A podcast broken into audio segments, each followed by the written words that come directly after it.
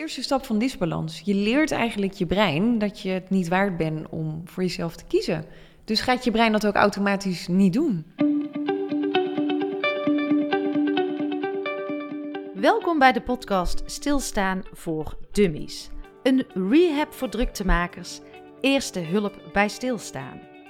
Want het lijkt zo eenvoudig, maar hoe werkt dat nou eigenlijk stilstaan? En wat zijn de effecten van het hebben van tijd en rust? Mijn naam is Ankie van Steen en ik wil stilstaan en ontspanning toegankelijk en bespreekbaar maken in een maatschappij waar iedereen aan het rennen is. En ja hoor, daar past ook een topfunctie of een succesvol bedrijf bij. Daar wil ik graag een goed voorbeeld in zijn. Als coach en organisatieadviseur help ik jou of jouw organisatie daar graag bij. Nieuwsgierig? Bekijk mijn website www.ankievansteen.nl. Of leuk als je mij natuurlijk op Instagram gaat volgen. Want onze kijk op werk en de manier waarop we leven is fundamenteel aan het veranderen. Het kan zo anders, zoveel mooier en zoveel gezonder. Wat laten we veel stuk gaan door drukte, hebberigheid en door onze ikkigheid. Ik gun iedereen meer rust en ontspanning, tijd voor zichzelf, omdat we dat gewoon waard zijn. En het mooie is, je gaat er ook nog eens meer mee bereiken. Via mijn podcast deel ik heel graag toffe en inspirerende verhalen over wat het hebben van simpelweg tijd kan betekenen voor jouw persoonlijke ontwikkeling, gezondheid, jouw leiderschap, je werk, relaties, opvoeding en nog heel veel meer. Van experts krijg jij hele praktische inzichten en tips. Zie deze podcast maar als één grote menukaart en kies het gerecht uit wat bij jou past. Aflevering stapte ik in de auto naar Rotterdam en ging ik in gesprek met brain-expert Charlotte Labé. Ja, Charlotte, die volg ik nu ruim een jaar en daardoor zijn bij mij heel wat deuren geopend. En met name met betrekking tot mijn eigen persoonlijke ontwikkeling. Want alles start met kennis en bewustwording van ons eigen brein. En ons brein die stuurt ons lichaam aan en daar mogen dus best wel wat zuiniger op zijn. Ook praten we over dat veel van ons niet eens meer weten wanneer ze stress ervaren. En dan zijn we de connectie met ons lijf toch echt wel een beetje kwijt. En waarom is stilstaan, ontspanning en gezonde voeding toch zo goed voor ons brein? Er komt zoveel moois voorbij in deze aflevering dat ik eigenlijk alleen maar kan zeggen: ga gewoon lekker luisteren. Aan het woord Charlotte Labé.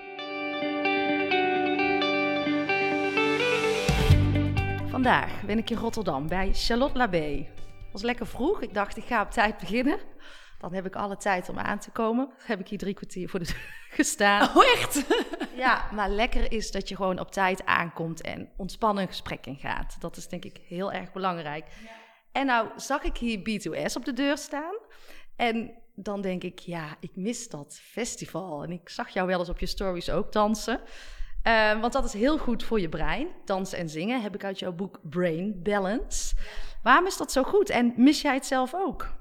Dansen, nou dansen is supergoed. Dansen, muziek, sociaal zijn met mensen natuurlijk. Hè? De leuke mensen om je heen. Um, ja, ik, ik, dans iedere dag. De festivals mis ik zeker, want ik hou van festivals.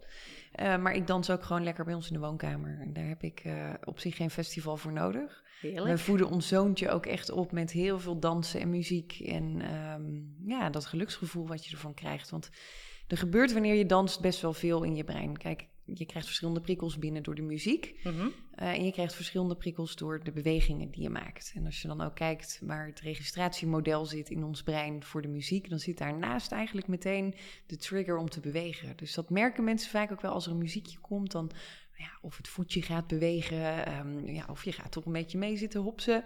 Ja. Uh, dus dat is logisch, want die twee die werken ook samen. En het, het brengt ons vaak ook wel naar ja, fijne gevoelens. Want dansen uh, doe je wanneer je vrolijk bent en wanneer je je goed voelt. Ja, lekker. Meteen een eerste tip te pakken voor die luisteraars. Ga zoals vaker lekker bewegen en dansen en zingen daarbij. En jouw nieuwste boek, uh, Brain Food, gaat morgen volgens mij naar de drukker. Ja, klopt. Dat, ja. uh, kun je ons een tipje van de sluier geven? Ja, voeding voor gezonde hersenen. Ehm, we zijn denk ik allemaal wel heel erg opgevoed in de maatschappij. Voeding voor een gezond lijf. Mhm. Wat natuurlijk hartstikke belangrijk is. Maar daarbij zeg ik, ja, wanneer je brein niet goed functioneert en niet de juiste voedingsstoffen binnenkrijgt, eh, ja, dan functioneert eigenlijk je fysieke gestel ook niet. Nee. Dus dan stopt je lijf er eigenlijk ook mee. Ja, Dus die voedingsstoffen zijn zo belangrijk voor onze hersenen. En als we dan ook kijken naar dat 20 tot 25 procent van de voedingsstoffen die we binnenkrijgen direct naar onze hersenen gaat. Kijk, wanneer we helemaal in balans zijn en ontspannen zijn en lekker in ons vel zitten. zeg je 25 procent? Ja, kijk, ja, wanneer we dus ontspannen zijn en goed in ons vel zitten, is het 20 procent. Mhm. Maar wanneer we gestrest zijn, gehaast zijn, niet in balans zijn, dan gaat er wel 25 procent naar ons brein. Terwijl onze hersenen maar 2% van ons totale lichaamsgewicht is. Dus dat is onwijs veel wat dat kleine orgaan opeist. Ja, en dus naarmate je meer stress ervaart, vraagt het nog meer. Ja, ja, Ja. precies. En, en ja, dat weten we denk ik allemaal. Mhm. Heel veel mensen zijn gestrest tegenwoordig. Ja. Zo'n 90% van Nederland ervaart chronische stress. Dat betekent dat we veel meer voedingsstoffen nodig hebben Mhm. dan wanneer we met z'n allen in balans zijn. Ja, en dan is het ook zeker gezonde zo- voedingsstoffen heel erg belangrijk. En ehm, ja, ik merk dat zelf ook wel. Dat ik ehm, nu eindelijk weer voel wanneer ik stress in mijn lijf heb. Ja, En als ik terugkijk, heb ik daar denk ik, heb ik dat tien jaar lang enorm gehad, maar nooit gevoeld. mooi hè? Ja. Dat is echt iets wat... Ik krijg zo vaak de vraag ook tijdens mijn lezingen en trainingen... maar oké, wanneer voel ik dat ik stress heb? Ik zeg eigenlijk, deze vraag die je stelt... geeft wel aan dat je totaal de connectie en de bewustwording met je lijf kwijt Ja. bent. Ja, En eh, waar. dat is best wel schrijnend, want het, het is heel belangrijk om te gaan herkennen wanneer het er is en wanneer het negatief is. Want er is een verschil. Kijk, stress is niet altijd negatief. nee, Eh, veel media schrijven negatief over stress. Dat vind ik echt zonde, want stress is ook juist heel positief. ja, Ehm, maar het weten wanneer is het positief en werkt het voor me, en wanneer wordt het negatief. Dat is zo'n belangrijke les eigenlijk, of een gegeven. Ja, het zou al bij van kleins af aan mogen. Ik heb het daar met mijn dochter wel eens over. Van wat voel je nou in je lijf? Eh, Zo had, gisteren had ze de uitslag of de, voor de schooladvies voor de middelbare school. Ze is Ja. tien. En ze zegt: Mama, ja, ik weet dat het er niet toe doet, hè, zei ze. ehm, maar ik vind het toch een beetje spannend. Het, ja, en ik zei: Tess, het is oké. weet je, dit is een bijzonder moment. Je moet er niet te veel aan ophangen. Maar het is goed dat je dit voelt en Ja. uitspreekt. Ja, nou ja, dat is, dat is natuurlijk een stukje bewustwording wat we van heel jongs af aan al voorbij gaan. Maar het feit dat een kind van tien zenuwachtig moet zijn over wat een school haar adviseert, is natuurlijk eigenlijk... Ja, ehm, eh, waanzin. ja, waanzin. Ja. Ik bedoel, ehm, dat kinderen in de kleuterklas al eh, en in groep 1 en 2 al eh CITO-toetsen hebben. Ja, Ja, ik, ik, ik, ik bots keihard tegen dat systeem aan. Want het, is, het, het staat lijnrecht tegenover hoe een brein in balans is en hoe een brein goed kan presteren. Dus we doen iets grandioos fout. Ja, ja, daar ben ik het met je eens. En ik hoop echt dat ze. Nou ja, ik zat laatst te denken, kijk, de ouders, er zijn ook heel veel ouders die het nog niet weten. Hè? Dus wat jij doet is denk ik hartstikke goed om daar bewustwording op te creëren bij, eh, bij mensen. Maar ehm, ik zat laatst, had ik zo'n brainwave. Ik denk, oh ja, waarom ga ik niet gewoon mijn gedachten als moeder delen via mijn Instagram? Ja, mooi. Om dan, dat is ook een manier van onderwijs. Wie daar eh, geïnteresseerd in is, kan het gaan volgen. Het zijn maar kleine prikkels. ehm, in plaats van te zeggen, ja, we moeten het, het onderwijs, eh, want dat ja, het moet ook op zijn kop, ben ik helemaal met je eens. Ja, ja we hebben een heel, oud, een heel oud model, een heel oud systeem. En waar echt, ik, ik, oh, ik heb zoveel leraren ook in mijn netwerk Ja. en, en directeuren van scholen die ook zeggen... we willen zo graag dat het anders is, maar we botsen eh, gewoon tegen gesloten deuren op. Ja. En eh, het, het duurt jaren voordat je maar één kleine verandering hebt. Dus dat is, dat is niet meer van deze tijd, want de wereld verandert heel snel. Maar eigenlijk de hele structuur waarin we leven blijft eh, van 80 jaar geleden. En, en dat, het klopt niet. Nee, die is ook absoluut niet wendbaar. Dus misschien een oproep voor de luisteraars, eh, ga aan de slag. Ja. Hey, ik start eigenlijk altijd mijn podcast met eh, mijn verhaal hoe een gast bij mij op mijn pad is gekomen. En deze keer vond ik het wel bijzonder, dus ik ga jou daarin in meenemen. Maar vorig jaar juli, volgens mij was het 2 juli, dus we hebben het echt over een dag of vijf geleden. Toen ben ik ehm, ehm, gestart met mijn sabbatical. En dat vond ik best wel spannend, want ik dacht, wat ga ik doen? Ik had totaal geen plan en ook altijd aan ben ik uit gaan staan. En die avond, toen met de bloemen in de auto, reed ik naar gebouw. Volgens mij, het had, het had een P in, maar daar gaf jij een lezing Ja, over pand P. Pand P in, In Eindhoven. Ja. oh wat grappig. Nou, dan was ik met een vriendin, Fenne. eh, en dat is toevallig een nichtje van Sanne. Ja. Eh, zaten wij daar, eh, een hapje gegeten. Het was heel warm, weet ik nog. En jij kwam, ehm, jij kwam daar binnen. En daar waren ook nog eens, ehm, volgens mij was het daar ook nog eh, de opnames van het mooiste meisje uit de klas. Ja, oh, dat weet ik ook nog die avond. Ja. Ja, Ja. dus ehm, ja, voor mij was dat eigenlijk de start van mijn persoonlijke en zakelijke ontwikkeling. Die startte bij jou, bij de Wauw. lezing, in een stukje bewustwording. En ik zag natuurlijk bij de aflevering van het mooiste meisje uit de klas een klein momentje of fame van mij op. Oh, wat leuk. Dus het eh, publiek werd even gefilmd. Ik dacht, nou, dat is toch ook gewoon eh, hartstikke toevallig. En ehm, ja, het is jou gelukt. Ik ben bewuster geworden van mijn eetpatroon, van mijn eigen gedrag, eh, van de werking van mijn brein. Ik wist niet dat ik ze zoveel wijs kon maken dan dat in jouw boek eigenlijk staat. Hè. Je kan ze wijs maken wat ze. Je kan ze alles wijs maken. eh, ze geloven wat jij zegt. En dat heeft mij enorm geholpen. En daar wil ik jou ook wel even voor bedanken. Nou, wat bijzonder. Ja. Dankjewel. Ja, dat is toch wel iets waarvan ik denk, hé, hey, ehm, ik pak het boek. Jij zegt ook wel eens eh, Brain Balance, het zie het als een life Bible. Ja, zo gebruik ik het ook echt. Wauw, super Ik ben zeg. het steeds meer gaan doorleven en eh, in het begin was ik er nog wat verder vandaan. En nu denk ik, ja, ik snap wat daar staat. En ik ben het zelf aan het toepassen in mijn eigen eh, coachprogramma's. Wauw, super. eh, nou, mooie ja. complimenten kan ik niet krijgen. Nee, Te gek. dankjewel. Maar jij zei ook, ik ben zelf uit balans geweest. Enorm, hè? Ehm, en toen ging jij jezelf verdiepen in de psychologie en vooral in de neurowetenschappen. Maar hoe kom je nou in die hoek terecht? Wat trok jou om daar nou eens helemaal in te gaan duiken? Nadat je eigenlijk uit de mode komt. Ja, ja, totaal andere wereld. Hè? Ja. Een wereld waar ik ehm, eigenlijk mijn hele leven al in heb gezeten. Toen ik startte met mijn eigen modelabel, na een maand of vier dacht ik eigenlijk... Oh jeetje, dit is zo niet mijn wereld. Maar Had je zit je erin. door? Ja, Ja. dat had ik toen al door. En, Ja. en zelfs mijn personeel zei het ook van... eh, dat zijn allemaal vriendinnen geworden en nog steeds zijn dat vriendinnen. Die zeiden ook, Lot, dit, is, dit past niet bij jou, weet waar je wel? waar, Je waar gaat- dat aan? nou ja, de- toch wat, eh, wat, wat minder oppervlakkig, toch wat diepgaandere gesprekken, Mhm. eh, anders naar de wereld kijken. Had je toen echt Eh, ook al? Dat, had ik, dat zat er al Ja. wel in. En ja, op een gegeven moment ehm, maak je zelf in het leven natuurlijk een hele hoop mee en raak je enorm in disbalans. Heel even een notendop.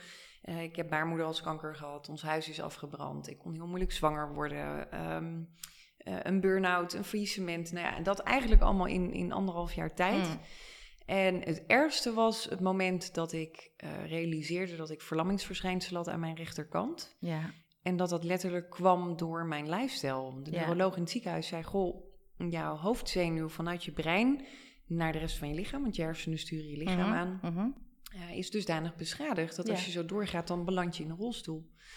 En hoe oud Ja. was je toen? Nou, toen was ik net 30. Ja. Ja, als je dat net hoort en je bent net mama en ehm, eh, je had het idee dat de wereld aan je voeten lag, maar kwam erachter dat dat dus helemaal niet zo was en dat je dus jezelf letterlijk kapot hebt Mhm. gewerkt. Mhm. En te ver van jezelf vandaan. Ja, Was. is wel van jezelf, van, maar ook gewoon slecht voor mezelf zorgen. Ehm, ik, ik, ik had ook wel eens dagen dat ik gewoon niet at en dan s'avonds een zak chips at. Ik bedoel, Ja. het is dat ik er geen dikke kont van kreeg.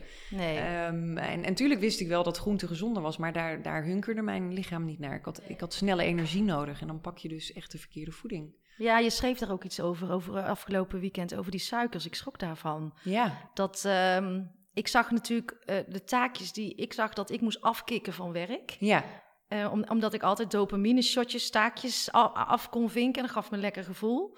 Maar toen ik jouw post lag, eh, las, en ik wist wel dat suiker niet goed was, maar dat het ook zo'n effect heeft in de dopamine. Dat, Ja. dat, dat wist ik niet. Nee, suiker is. Er zijn, er zijn ook bepaalde experts die zeggen: suiker is hetzelfde als cocaïne.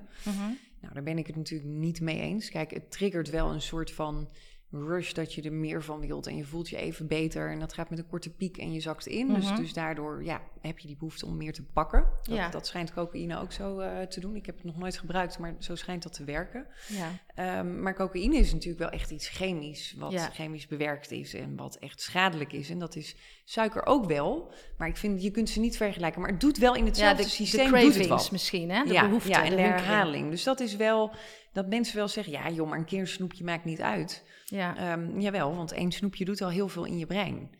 Dus het gaat niet specifiek om dat ene snoepje. Het gaat Mhm. erom wat veroorzaakt het in die hersenen. En Ja. die hersenen die denken, oh, snelle energie, geef mij die energie maar. Dat gaat sneller dan wanneer ik een appel eet, want dat zijn langzamere energieën die je krijgt. Een soort echte beter. trigger die je bij jezelf oproept. En dan zeg je, ja, ja, misschien kun je dan beter maar helemaal niet die trigger pakken. Ja, Eh, en- daar ook, da- zodat je daar ook niet gaat, naar gaat hunkeren. Want het is een soort verslaving. Die ja het is een soort verslaving. Kijk, en ik heb dat zelf ook gemerkt. Ik bedoel, ehm, ik at echt serieus iedere dag zo'n zak eh, mini Milky Ways. Dat at ik in mijn eentje gewoon weg. En Knap. gewoon, ja, gewoon maar dooreten zonder dat je je eigenlijk bewust bent van wat eet ik nu eigenlijk. Maar dat was ook omdat ik, ik had die energie nodig. En op een gegeven moment is dat een verslaving waarin je niet eens doorhebt dat je in een verslaving zit, want je denkt het is normaal. Ja. Veel mensen eten dat. Eh, je ziet bij heel veel bedrijven eh, potten met wijngums of dropjes op de Ja. tafel staan. Ja, het, het doet, het, het, het is echt een stukje damage voor je brein. En je wil dat voorkomen. Je wil niet achteraf zeggen, oh jeetje, had ik dat maar anders gedaan. Nee, ik denk dat we over twintig jaar heel anders hiernaar gaan kijken. Tenminste, dat hoop ik. Ja, nou ja, ik hoop, ik hoop over tien jaar dat er net, zo, net zoals met roken, dat daar gewoon campagnes voor komen Ja. wat suiker doet.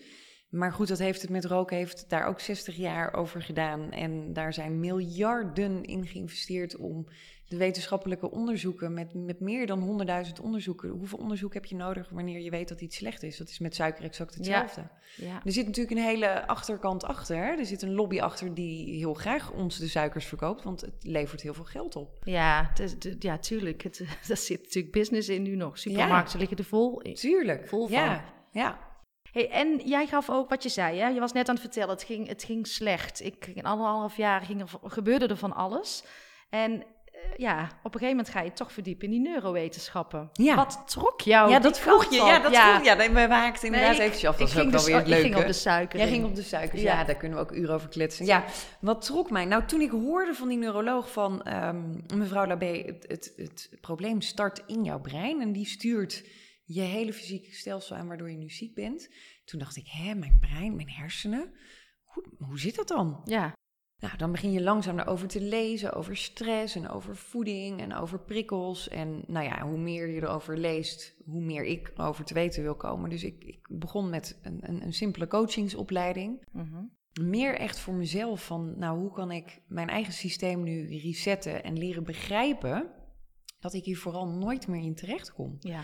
En toen was ik daarin bezig en toen dacht ik, ja, maar oh, ik wil alles. Ik wil alles hierover weten. Mooi en ik dat. werd echt weer zo getriggerd en er kwam een soort van vuurtje in mij vrij. En dat zei die trainer toen ook van, hey, ik zie gewoon, jij gaat op alles aan en je Ja. staat als een spons open en dit is gewoon ja, jouw missie of zo. Wat je te doen En- hebt. ja, en toen Ja. dacht ik, oké, maar ja, leuk, zo'n coachingsopleiding. En dan heb je één papier. Maar uiteindelijk heb ik twaalf opleidingen gedaan. Ben ik echt die neurowetenschappen ingegaan. De ortomoleculaire geneeskunde. Ja, fantastisch. Dus echt op cellulair niveau, ehm, een stukje epigenetica. Van, nou hoe werkt dat nou eigenlijk? Hè? Hoe, hoe werkt ons systeem? Maar vooral aangestuurd vanuit dat brein. Ja, En dat is oneindig. Want iedere deur die ik open doe, daar zitten er tien achter... waar Ja. nog meer informatie in zit. Ja, en, en dat maakt het ook wel weer heel tof. Want nog steeds ontdekken de wetenschappers zo ontzettend veel mooie dingen over onze hersenen. ja, dat is een heel mooi onderwerp. Je hebt mij in ieder geval ook meegezogen. Ja, En ik koppel het dan weer heel erg aan het thema stilstaan en eh, ontspanning.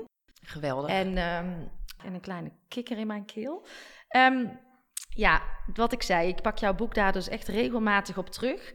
Ehm, en wat ook wel mooi is, ik ben net als jij ingepakt eh, door het eh, land, of eiland Ibiza. Ik ben daar zelf vier jaar geleden getrouwd. Oh, leuk. Ja. En ehm, ja, jij zei ook over je baarmoederhals. Toen dacht ik, ja, bij mij eh, liet hij me ook in de steek. Of liet zij me ook in de steek na de tweede zwangerschap. Dus ook wel een heftig traject gehad. En ik herken nog zo dat ik met een veel te laag HB en helemaal eh, naar de, ja, compleet naar de kloten met twee operaties. Vond dat ik weer door moest gaan. En dat hoorde ik jou ook zeggen bij het mooiste meisje uit de klas. En maar door, en maar door. Ehm, wat gebeurt er in ons brein waardoor we daar zo in blijven? Waarom komen we er Ja. hier niet uit? Ehm, het, het maar doorgaan, nou, dat, is, dat, is, dat is gewoon een programmering van ons brein. Het is Ja. letterlijk ooit eens een keer verteld van... goh, hè, eh, niet zo zeuren, doorgaan. Eh, misschien is dat een keer een moment geweest in je jeugd... dat je niet helemaal lekker was en dat je zei... ja, maar papa, mama, ik voel me niet lekker, ik wil niet naar school. Nou, kom op, schat, valt best wel mee, gewoon doorgaan, Ja. komt goed. En daarmee leert dat brein eigenlijk ehm, de symptomen die we hebben te negeren... Mhm. Eh, het gevoel wat we hebben te negeren en door te gaan. Wij, Ja. wij zijn heel erg in Nederland vooral, hebben wij heel erg geleerd. Ja, ehm, Niet eh, lullen, maar poetsen. Ja, precies. Ik wou net zeggen, hier in Rotterdam zeggen we niet lullen, maar poetsen. Ja, ja precies. Eh, ja, dat, en dat, dat is, ik vind dat ook eh, tevens een hele mooie eigenschap hè, van de mensheid. Dat we gewoon hard kunnen werken. En, eh, Er is niks mis mee. eh, maar ik, ik- wel in balans. ja. En ik denk dat wanneer je in balans bent, kun je veel meer aan.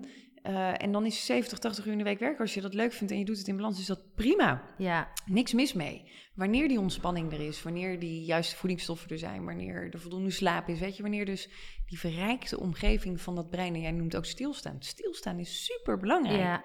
Mensen zijn bang om stil te staan. Mensen zijn bang om stil te vallen. Want A, je gaat dingen voelen, je gaat dingen eh, zien, je gaat ervaren. Je, je lijf gaat je symptomen geven die Ja. je niet wil. Want eigenlijk is dat lijf op. En wanneer je stilvalt, dan eh, komt dat eruit. Hè. Dat Ja. zie ik ook heel vaak bij mensen die op vakantie gaan.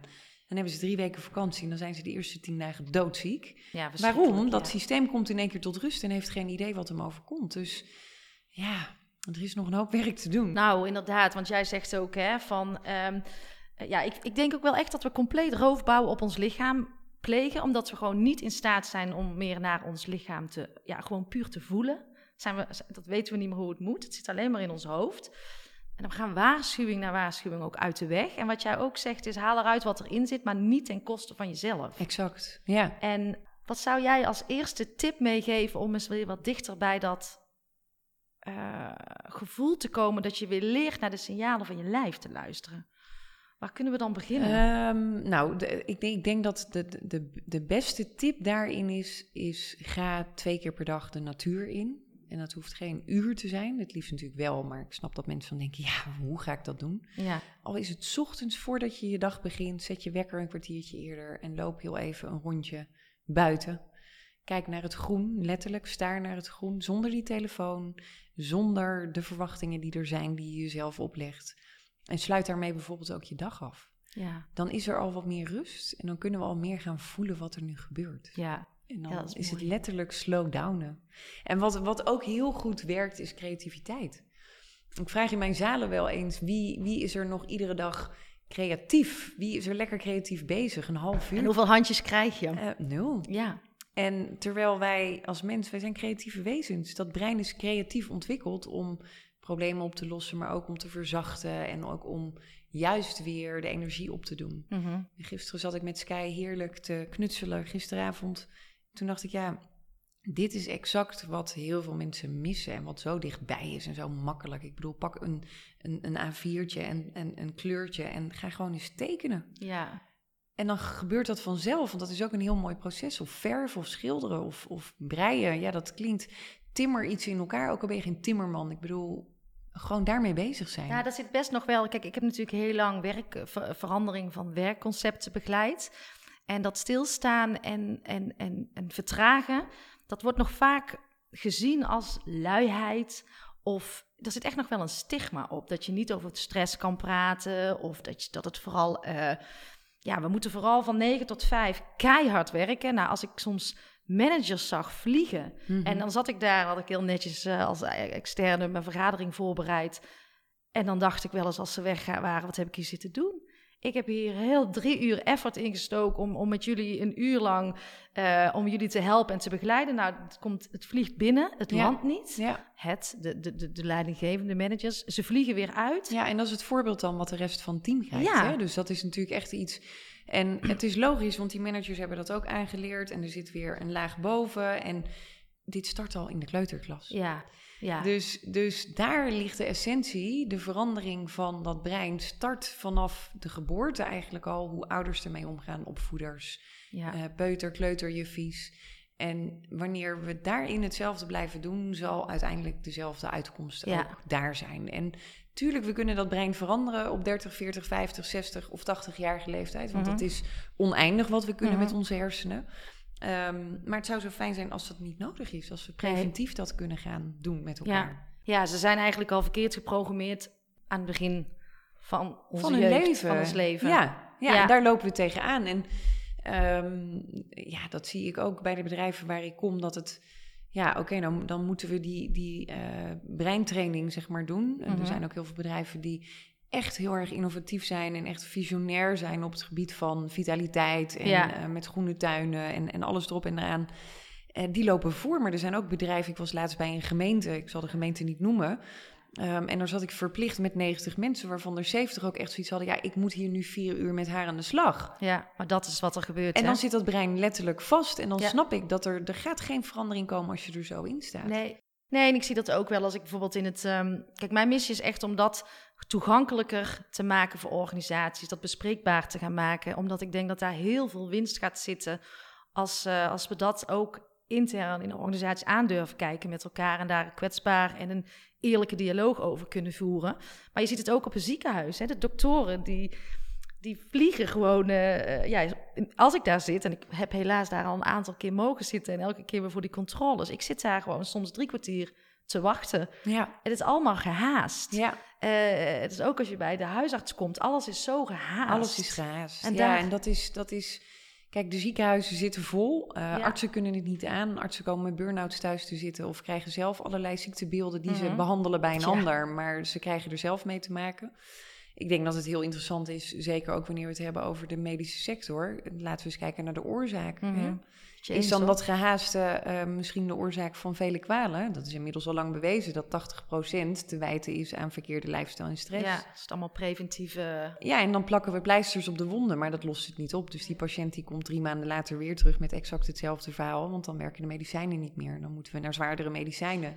Dan gaan we nog Eh, harder rennen. Gaan we nog harder rennen en, en het stapelt en het stapelt en uiteindelijk worden het grotere problemen. En dat is waar we nu wel eh, tegenaan lopen. En er is nog maar een kleine groep mensen die zich daar bewust van is. Mhm. en, en dat moet een veel grotere groep gaan worden. Nou, daar gaan we ons best voor doen. ja, goed hè? verspreiden. Ja, ik ga met je mee. Ehm, want wat, waarom is ontspannen en stilstaan? Wat gebeurt er nou in dat brein? eh, waardoor, waardoor het zo goed is voor het brein. Nou, letterlijk bijvoorbeeld een van de dingen die gebeurt wanneer we stilstaan en ontspannen, is dat onze hersenen de ruimte krijgen om de neurale netwerken, dus eigenlijk de hersencellen, de hersennetwerken, ehm, te gaan updaten, Mhm. nieuwe informatie op de juiste plek te zetten. En er komt een groeihormoon, dat noemen we BDNF, Brain Mhm. Derived Neurotrophic Factor, moeilijk woord. BDNF ehm, Ja. is de afkorting daarvan. En dat is letterlijk pokon voor onze hersenen. Dus dat betekent wanneer we in een ontspannende modus zijn en stilstaan, dat ons brein zich goed kan ontwikkelen, dat hij gezond kan blijven. Ja, En als we dan kijken naar bijvoorbeeld burn-outs of geheugenproblemen, dan zit daar een hele grote crux dat dat brein nooit meer tot rust kan komen. En ja, dan krijgen mensen slaapklachten, eh, moeilijk in slaap komen of heel onrustig slapen of 's ochtends wakker worden en intens moe zijn. Mhm. Eh, ja, dat brein herstelt niet, want dan zelfs 's nachts is dat brein nog aan het stressen. Ja, dus je hebt het gewoon echt nodig in, het, in je brein voor de ontspanning om tot rust te komen. 100 procent, Ja. ja. 100 procent. En dan toch, ik weet niet wie er nu ook luistert, is waarom luisteren we daar niet naar? Ik zou echt een oproep willen doen om daar eens wat vaker naar te luisteren. Want je, je gaat daarna veel meer stappen vooruit maken als je af en toe even één stap terugzet. Ja, sterker nog, kijk, mensen die in totale ontspanning in balans eh, met hun brein kunnen werken, kunnen in vier uur tijd net zoveel doen als mensen die negen uur lang achter de computer zitten. Alleen daar zijn we ook nog niet, Nee. want dat is gewoon nog niet maatschappelijk geaccepteerd. Nee, En, en daarin valt zoveel winst te behalen, want dat betekent dat je dus vijf, zes uur per dag voor jezelf over gaat houden. Terwijl je dus in die vier uur net zo goed produceert en presteert. En dat, Ja. is, dat is het belangrijkste. En, maar waarom dat nou niet werkt? Omdat het brein niet zo geprogrammeerd is. Dus rationeel weten we het wel. Hè, dat is intelligent. Weet Ja. iedereen, ja nee, maar ontspanning is goed. Ja, maar we doen het onderbewust niet. En dat onderbewuste systeem is gewoon, dat is een miljoen keer sterker. ja, dat is, dat, je luistert veel meer naar je onderbewuste, denk Ja, ik. Is dat zo? Ja, de, nou ja, je onderbewuste bepaalt voor 95% hoe je handelt en reageert. En je bewuste systeem, dat is onze intelligentie, dat doet het maar voor 3 tot 5%. En als we dit nu beseffen, mensen die nu luisteren denken, ja, je hebt gelijk, Charlotte.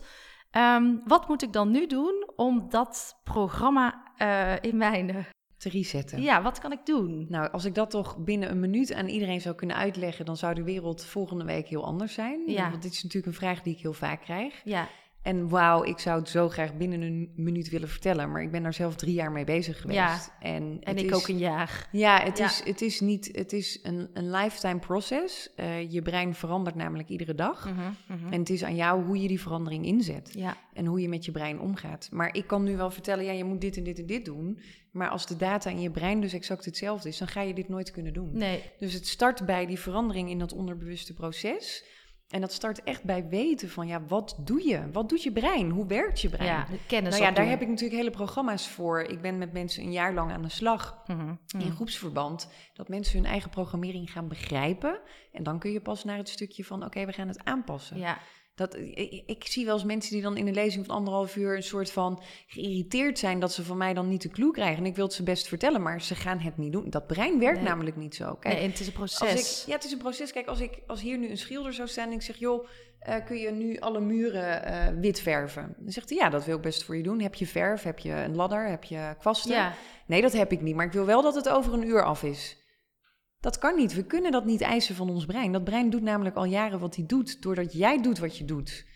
Dus dat is, dat is best wel ehm, eh, ingewikkelde materie. Ja. Totdat je begrijpt wat er gebeurt. ja, Dan ga je dingen herkennen, erkennen, en dan ga je een conclusie trekken en dan kun je het gaan toepassen. ja. Nou ja, als ik dan ook even kijk naar mijn eigen proces. Ik, zei, ik vertelde net natuurlijk, ik ben een jaar geleden bij jou geweest. En nu dacht ik, hé, hey, Ja, het kwartje valt. Een maand geleden of twee maanden geleden dat ik dacht, dit is wat ze bedoelt. Weer even terug dat boek in. ja, En eh, wat je ook zegt is, ehm, je kunt iets wel willen, maar je kunt er ook nog, nog, nog, ik was er ook nog niet. Dus het start wat jij zegt met bewustwording, kennis opdoen, eh, misschien eens naar een lezing of een workshop Ja. of een programma starten bij jou. ja, En dan ehm, jezelf ook de tijd gunnen om ehm, de verandering tot stand te laten komen. Ik zeg ook altijd de pijn ook aangaan die bij verandering hoort. ja. Ik heb dat zo ervaren.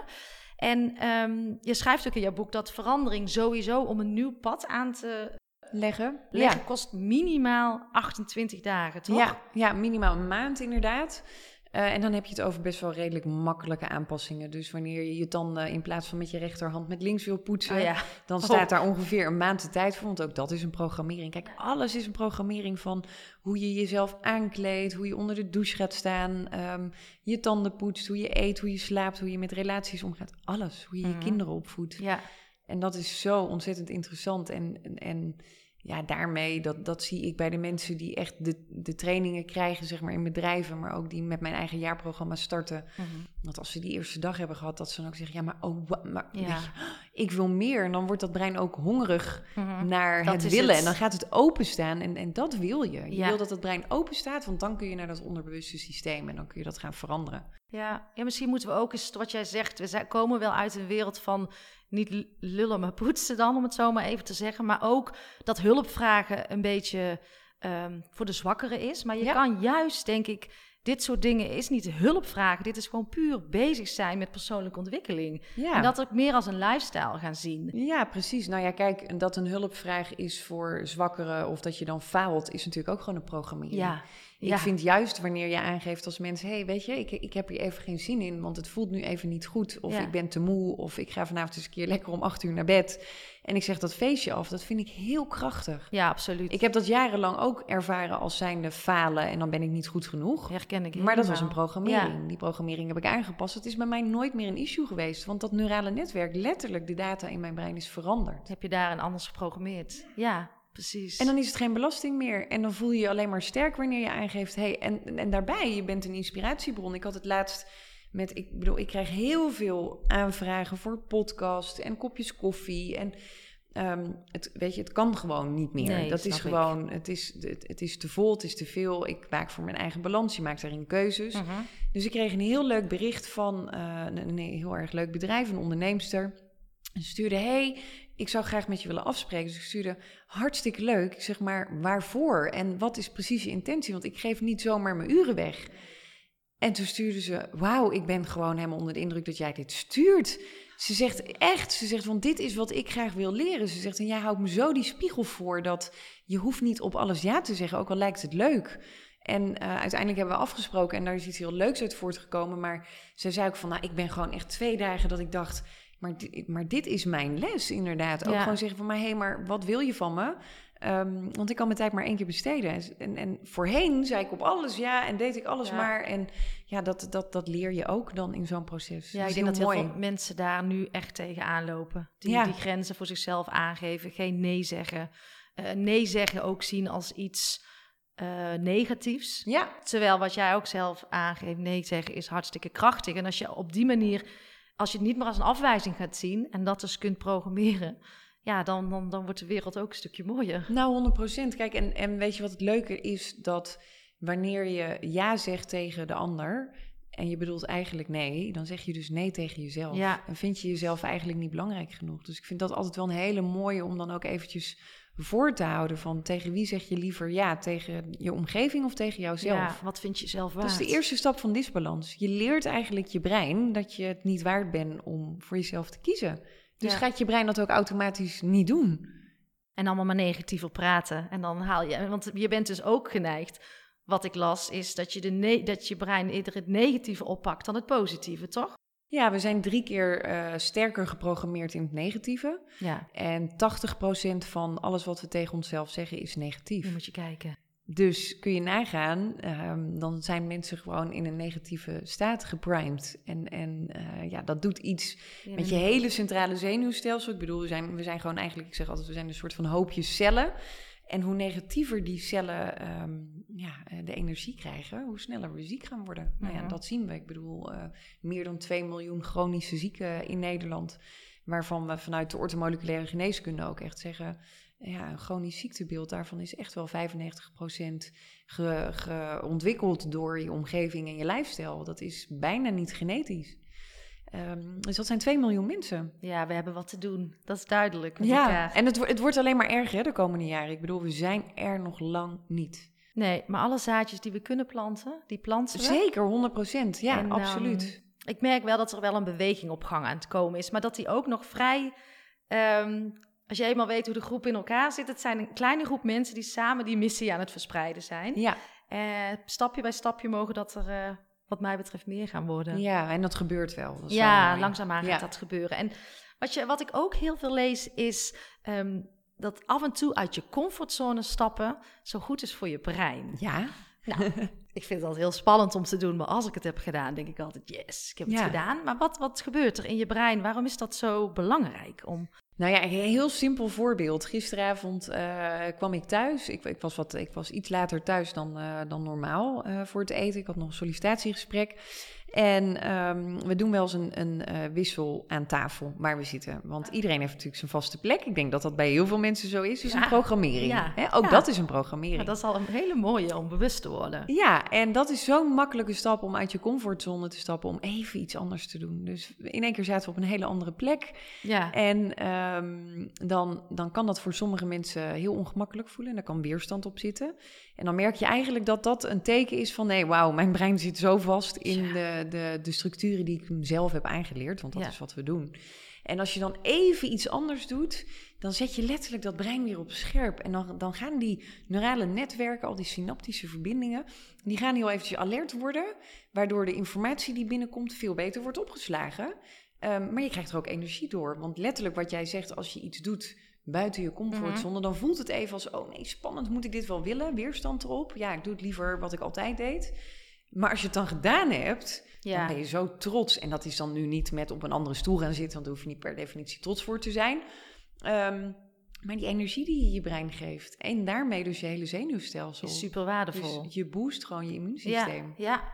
Nou, mooi. En eh, misschien moeten we dan maar gewoon eens een keer proberen om eh, van kant van bed te wisselen. Kant van bed wisselen. Gewoon kleine dingetjes. Ja, kant van het bed wisselen. Ehm, je kunt op een andere manier jezelf aankleden. Vaak hebben mensen toch een voorkeur van bijvoorbeeld wanneer je in een spijkerbroek stapt, rechterbeen eerst of linkerbeen ja, eerst. Ja, Dat zijn ook allemaal dingen, wanneer je dat al anders gaat doen, dat dat brein denkt, huh, in plaats van 's avonds douchen, 's ochtends douchen, kan heel ongemakkelijk aanvoelen. Ja. En dit zijn al hele kleine stapjes die uiteindelijk dat brein op een andere manier, zijn neuroplasticiteit, die beweging in dat brein kan gaan ja, inzetten. want iedereen kan veranderen, schrijf jij ook, hè? Iedereen kan veranderen. Ja. Ja. En dat is dus inderdaad die neuroplasticiteit. Dat betekent letterlijk dat ons brein maakbaar is. Ja.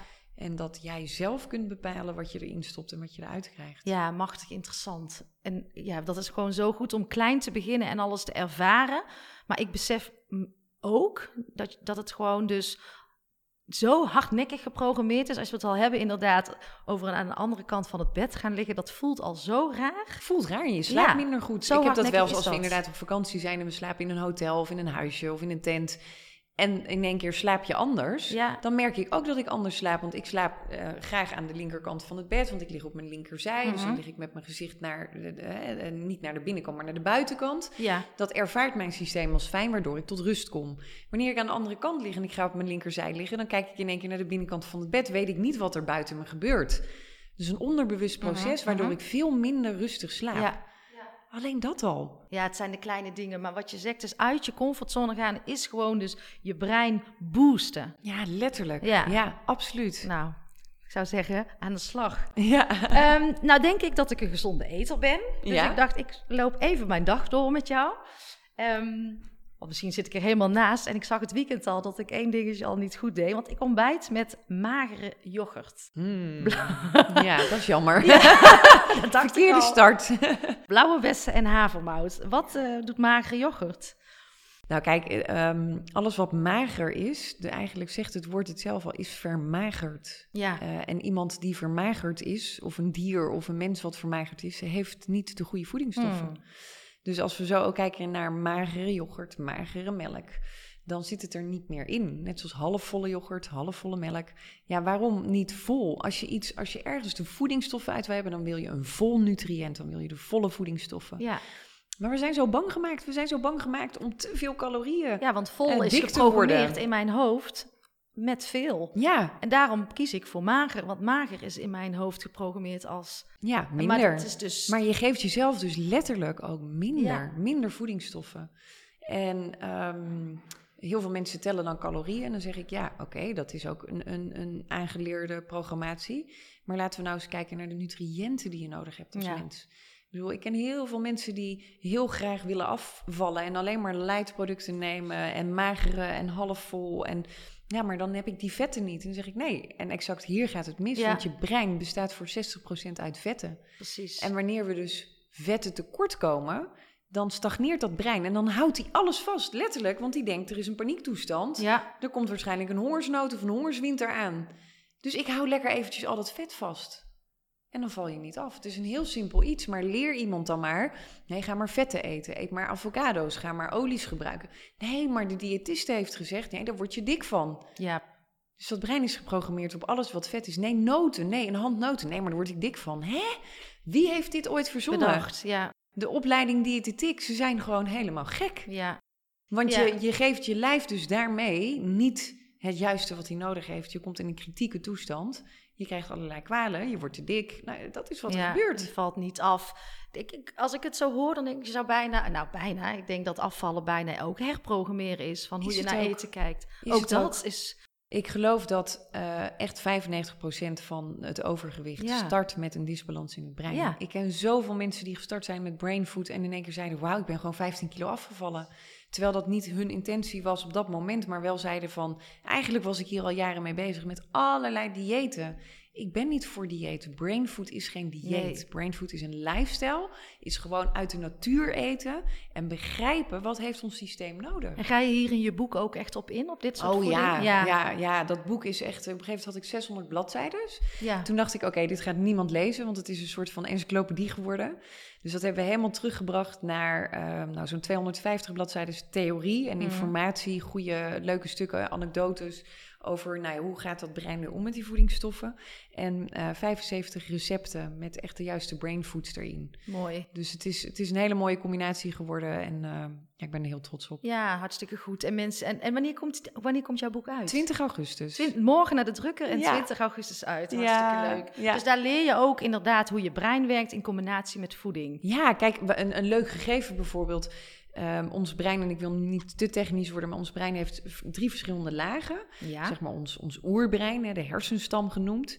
En eh, die hersenstam, dat reptiele brein, die eist eigenlijk ehm, de voedingsstoffen die er beschikbaar zijn, eh, eist die zomaar direct op. Daar zijn nu allerlei onderzoeken naar, dus het is nog niet wetenschappelijk bewezen, maar dit is wel de hypothese die ik heb als je kijkt naar hoe het systeem werkt. ja. Wat heel logisch is, want dat gedeelte van het brein zorgt namelijk dat je hart kan kloppen, dat je bloed rondgepompt wordt, dat je kunt ademhalen, dat je trek basale- krijgt, dat je kunt slapen. Dus dat is je overleving. Ja, Wanneer dat systeempje niet werkt, dan ga je dood. Dus het oerinstinct van overleven is dat, dat die kern van, van dat stuk van het hersenonderdeel, die moet goed gevoed worden. Maar dat betekent wanneer wij dus niet voldoende voedingsstoffen binnenkrijgen, dat er geen voedingsstoffen naar ons geheugen gaat. En dat er geen voedingsstoffen naar onze planning en ontwikkeling gaat. En dat we dus die hele persoonlijke ontwikkeling bijvoorbeeld overslaan. Of dat de amygdala, die zit in het limbisch systeem, dat staat voor angst en emotie Mhm, mhm. dat die geen voedingsstoffen krijgt. Maar wat denk je wanneer dus het gedeelte wat bij ons angst veroorzaakt geen voedingsstoffen krijgt? Dan wordt het nog Die gaat op spanning staan. Ja. We worden angstig, we krijgen stress. We gaan nog meer voedingsstoffen verbruiken en we komen in een neerwaartse spiraal. We krijgen burn-outs, depressies, angstaanvallen, paniekstoornissen, Mhm. noem het allemaal maar Mhm. op. Het is zo logisch. Alles begint bij gezonde voeding. Al- alles begint bij, ja, en daar geloof ik in. Ik, ik heb ook in mijn boek geschreven dat er, mijns inziens, geen één coaching, geen één eh, persoonlijk traject, ehm, eh, geen één psycholoog of psychiater zonder een voedingsprotocol aan de slag mag gaan. Ja, dat zou samen moeten gaan lopen. Dat moet samen gaan lopen. Je start met die voeding, dat brein wordt weer actief en die kan weer voor je functioneren. Voor de 100, volle 100 procent. Ja, ja. Want wat doen we vaak met SSRI's? En dat zijn dus, dus eh, antidepressiva. We gaan neurotransmitters aanzetten. Die dus minder voor ons produceren. Maar waarom produceert een neurotransmitter minder? A, dat kan aangeboren zijn. Dus we hebben, er zijn mensen met depressies, dat is aangeboren. Daarvan zegt de wetenschap, nou dat is max, max, max, max, max 5 tot 10 procent. Dus Ja. dat is heel weinig. Ehm, maar voeding zet ook onze neurotransmitters aan. Precies. En waarom willen we dit dan chemisch oplossen? Ja, doodzonde. Ja, dat is een goede vraag. Eh, ik hoop eh, dat, dat het onder de aandacht komt en dat het nog sneller eh, naar de weg naar voeding gaat leiden. Ja, Dat hebben we nodig. En ja, ik kan het zelf als persoon alleen maar beamen sinds ik op mijn voeding ben gaan letten. Minder alcohol, eh, minder stress, meer ontspanning.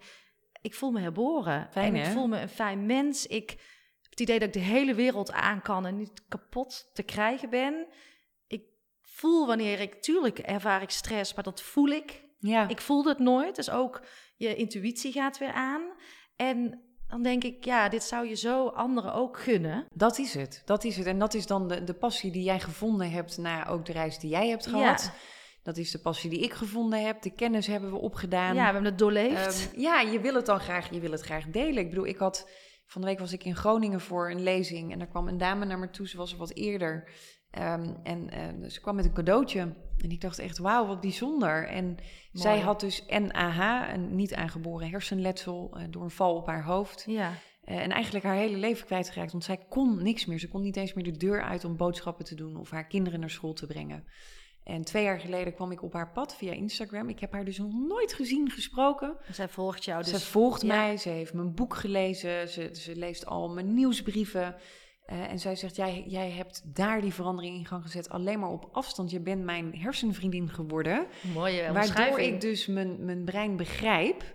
En ik heb weer vat op mijn leven gekregen. En, en daarmee is bij haar een missie ontstaan om, om mensen met NAH te gaan helpen. Ze zegt, want ehm, jij hebt me die balans weer teruggegeven. En, en dat je dat dus doet op afstand. Ja.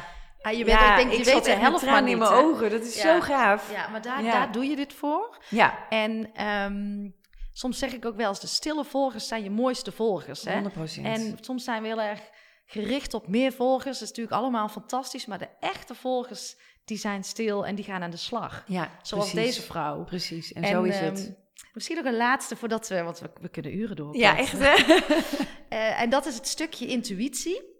En wat jij zegt, je kunt je hersenen alles wijsmaken eh wat, ze, eh, wat jij zegt, gaan ze geloven.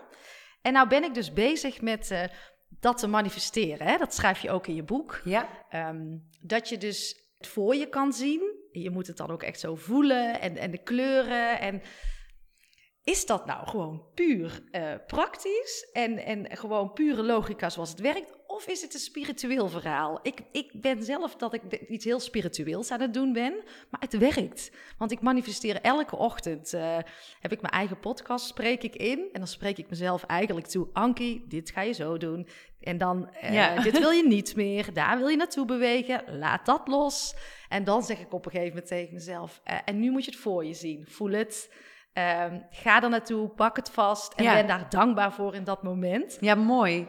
Ja, prachtig. En dan kijk ik weer in het boek eh, en dan denk ik, is dit nou spiritueel of is dit, is dit gewoon eigenlijk zoals het werkt in ons brein? Ehm, maakt het uit wat het is?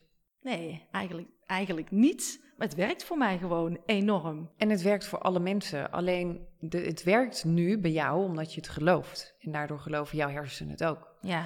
En dit is en neurowetenschap, maar ook spiritualiteit. En daarmee, spiritualiteit hoeft niet een onwetenschap te zijn. En de wetenschap hoeft niet alleen maar sec, getalletjes te zijn en eh real-time in een brein meekijken. Er zit, dat staat heel dicht bij elkaar. Ja. Ehm, sterker nog, spiritualiteit heeft ook wetenschappen en rapporten dat dingen zo werken. Ja. Dus ehm, En dan mag ook wel meer onder de aandacht komen. Eh, wat vaak als ik daarover begin, mensen gaan dan zeggen, oh, het is een beetje zweverig. Of daar, maar het is juist volgens mij die emotionele en spirituele kant, die mag ook meer onder de aandacht komen. 100% Maar wat is, wat is wanneer we dus inderdaad zeggen eh, spiritualiteit of mediteren of yoga? Hè, en dat- begint echt wel te veranderen, want er zijn meer mensen die nu aan yoga doen in Nederland dan aan fitness. Dus dat, is, dat Mhm. wint enorm trein. Ehm, maar ik heb ook wel eens mensen in de zaal die wat ik vertel super zweverig vinden, terwijl ik echt met rapporten kom Ja. vanuit de neurowetenschap. Ja, Dus hoe is je brein nog geprogrammeerd? ja het is maar net dat- waar je staat. ik vind dat zo interessant om te zien ehm, hoe mensen daarop reageren. En hoe, hoe daar soms zo'n weerstand op zit. Ja. Dat ik denk, wauw, maar dit is exact waar we het over hebben. En dit is dus precies wat ik bedoel met die programmatie van je brein. Je bent er alleen nog niet. nee, Over vijf is- jaar ben je er misschien Ja. wel. Misschien heb je iets nodig in je leven. En dat is, dat is vaak jammer, hè, dat we vaak achteraf een crisis eh, nodig een hebben. Ja, een crisis nodig Ja. hebben. Je ziet het nu met corona. Mensen worden zich in één keer bewust van hun eigen systeem. Dat je dat echt wel goed kan onderhouden. En Mm. dat we heel veel zelf in de hand hebben. Waarvoor hebben we dit nodig om onze ogen te openen? Zo werkt ons systeem Ja, we eenmaal. zijn We zijn probleemoplossers en we zijn niet preventief. We gaan niet preventief naar een huisarts om te zeggen... joh, het gaat eigenlijk hartstikke goed... maar wat zou ik nou nog kunnen doen om mezelf te verbeteren? Nee, we gaan daar naartoe wanneer we een probleem hebben. Ja, Dus dat is ook dat is programmering. Zit ook wel een beetje in de ontwikkeling van de mens. Maar ja, ik, ik ben altijd van waarom moeten we iets een naam geven? Weet je, mediteren, daar zijn duizenden onderzoeken Ja. naar. ja. Is niet spiritueel. Er zijn mensen die spiritueel zijn die dat toepassen, maar er zijn ook wetenschappers die dat toepassen. Hoezo zijn we er bang voor? Ja, vond ik een goede vraag van. Te- Tegelijk toen jij zei, wat maakt het uit? Ik, dacht meteen, het maakt helemaal niks uit. Nee. Het is en welk, beestje, welke naam geef je het? Ik bedoel, laatst zei iemand tegen me... Ja, volgens mij doe jij veel meer dan alleen maar hè, de wetenschap waar je in verdiept. Ik zeg, ja, dat klopt. Ik doe stilte-retreats. Ja, Daar praat ik ook over, daar vertel ik ook over. Ik mediteer iedere dag. Ik zeg, maar wat is het een of het ander? ja, maakt niet uit. Volgens mij gaat het om de lifestyle die voor jou werkt. Ja, en de fase waar je staat in, eh, in bewustwording. En het is, dat is, eh, iedereen komt op een bepaald moment, hoop ik, ergens in een proces. We kunnen, we ook niet, we kunnen het alleen maar inspireren, inspireren dat mensen meer kennis krijgen en in beweging ja, komen. hè? tuurlijk. Ja, en, en wij zullen ook stapjes vooruit en weer achteruit doen. Ja. En de ene dag is de andere dag niet. En met alle goede intenties die je hebt, eh, kun je soms ook wel eens terugvallen in een oud patroon. Dat gebeurt bij mij ook nog steeds. Ja, En dat is prima, dat mag ook. Daar ben je ook mens voor. ja, en dat is ook eh, omarmen wat gebeurt. En, Ja. eh, en, en, maar alleen je wordt, dus- je wordt er jezelf sneller bewuster van. Dat is het. En dat dan is kun je erop handelen. En dan kun je erop handelen, ja. Nou, mooi. Misschien toch, omdat jij zei, ik val ook wel eens terug. Nog een, eh, nog een laatste vraag. Je hebt natuurlijk ook wel een valkuil. Ja. Wat is voor jou wat- een dingetje waar je van zegt, nou, dan moet ik toch wel continu focus op blijven houden. Dat gaat nog niet vanzelf. Ehm, er zijn er, het, het, wordt steeds minder en dat is fijn. Ik heb er nog wel één die ehm, zo nu en dan nog eens even de kop opsteekt. En dan denkt, hé hey Charlotte, kan ik, je, kan ik je triggeren of uitdagen om toch even een stapje harder te gaan dan wat je doet? Ja. Eh, maar daar ben ik me heel bewust van. En wat ik dan juist ga doen, is eh, alles uit de agenda halen. Want dat is dan voor mij een punt wanneer ik dat stemmetje in mijn hoofd hoor van... nee, maar dat kan er nog wel even bij. Ja. Dan ga ik juist dingen eruit halen dat ik denk... nee, dit doe ik even precies niet. Ja, dus, eh, dus ik herken hem. Hij zit me niet meer in de weg, maar ik weet wel dat hij er... Hij zit er diep, diep zit hij er nog wel, Ja. momenten. ja, dat is denk ik ook wel mijn grootste valkuil. Dat je toch weer te, ja, te veel wil. Ja, Maar- ook in je enthousiasme. En het is, het is bij mij ook een... en een nieuwsgierigheid. Ja, en een oneindig proces in die zin van... ik wil heel graag iedereen helpen. Dat, dat is er ook wel één. Ehm, en daarin zijn sommige mensen soms boos... als ze bijvoorbeeld geen supplementenadvies kunnen aanvragen. Want ik doe max 10 mensen per week Mhm. online een advies geven. Ja. Eh, ik weet dat er 100 in de rij staan, maar ik kan er geen 100 per Nee. week doen. Nee. En eh, ik hou het bij die 10, want dan ben ik in balans en dan kan ik jou ook geven wat je nodig hebt. Ja. En dat ik, zou, ik kan mezelf niet klonen. Weet Nee. je? En daar- ja, dat is Het zou wel mooi zijn. En ik hè? ben ook lekker mama en ik wil ook lekker creatief zijn en ik wil ook wandelen en ik wil ook mijn balans houden en leven precies. wat ik, wat ik predik en eh, waar ik me goed bij voel. En er is niemand die tegen me zegt dat ik die dingen anders moet doen. Nee, je, moet, je laat je in ieder geval keurig eh, niet door de buitenwereld opeisen. Nee, En wat anderen van je vinden. En wat je zegt, een goede balans zijn. En je hebt meer rollen dan alleen eh, Charlotte Labé. eh, ja, precies. Je bent moeder, eh, je wil een goede partner zijn. je tijd voor jezelf is heel belangrijk. Die staat bij mij op nummer één. Ja. ja en dat, Ja. dat verbaast mensen wel eens van... wauw, als ik zie dat jij, dat jij dan inderdaad ochtends je yoga doet... hoe doe je dat dan met je kind? En hoe doe je dat met je man? Ja, zeg, ja, dat is gewoon mijn tijd. En als ik dat niet doe, dan ben ik ook niet die Ja. leuke moeder... en dan ben ik ook niet die leuke vrouw. En als dat niet geaccepteerd wordt, heel erg jammer. Ik Ja. ben ik en ik ben hier ook om te leven. Ik ben niet in dienst van mijn gezin. nee, nee. Je bent dus, en je bent vaak met je een spiegel voor mensen. Hè? Je confronteert hun met hun eigen gedrag. Ja, omdat je zo zeker. zichtbaar laat zien wat je Ik doet. hoor ook heel vaak van, oh, hè, is jouw man dan bij, bij jouw kind? Eh, ja, dat is zijn vader. Ja, Oh, nou, mijn man die doet dat echt niet. ja. Dat zegt, maar dat zegt genoeg. En toen wij kinderen kregen, zei ik ook altijd...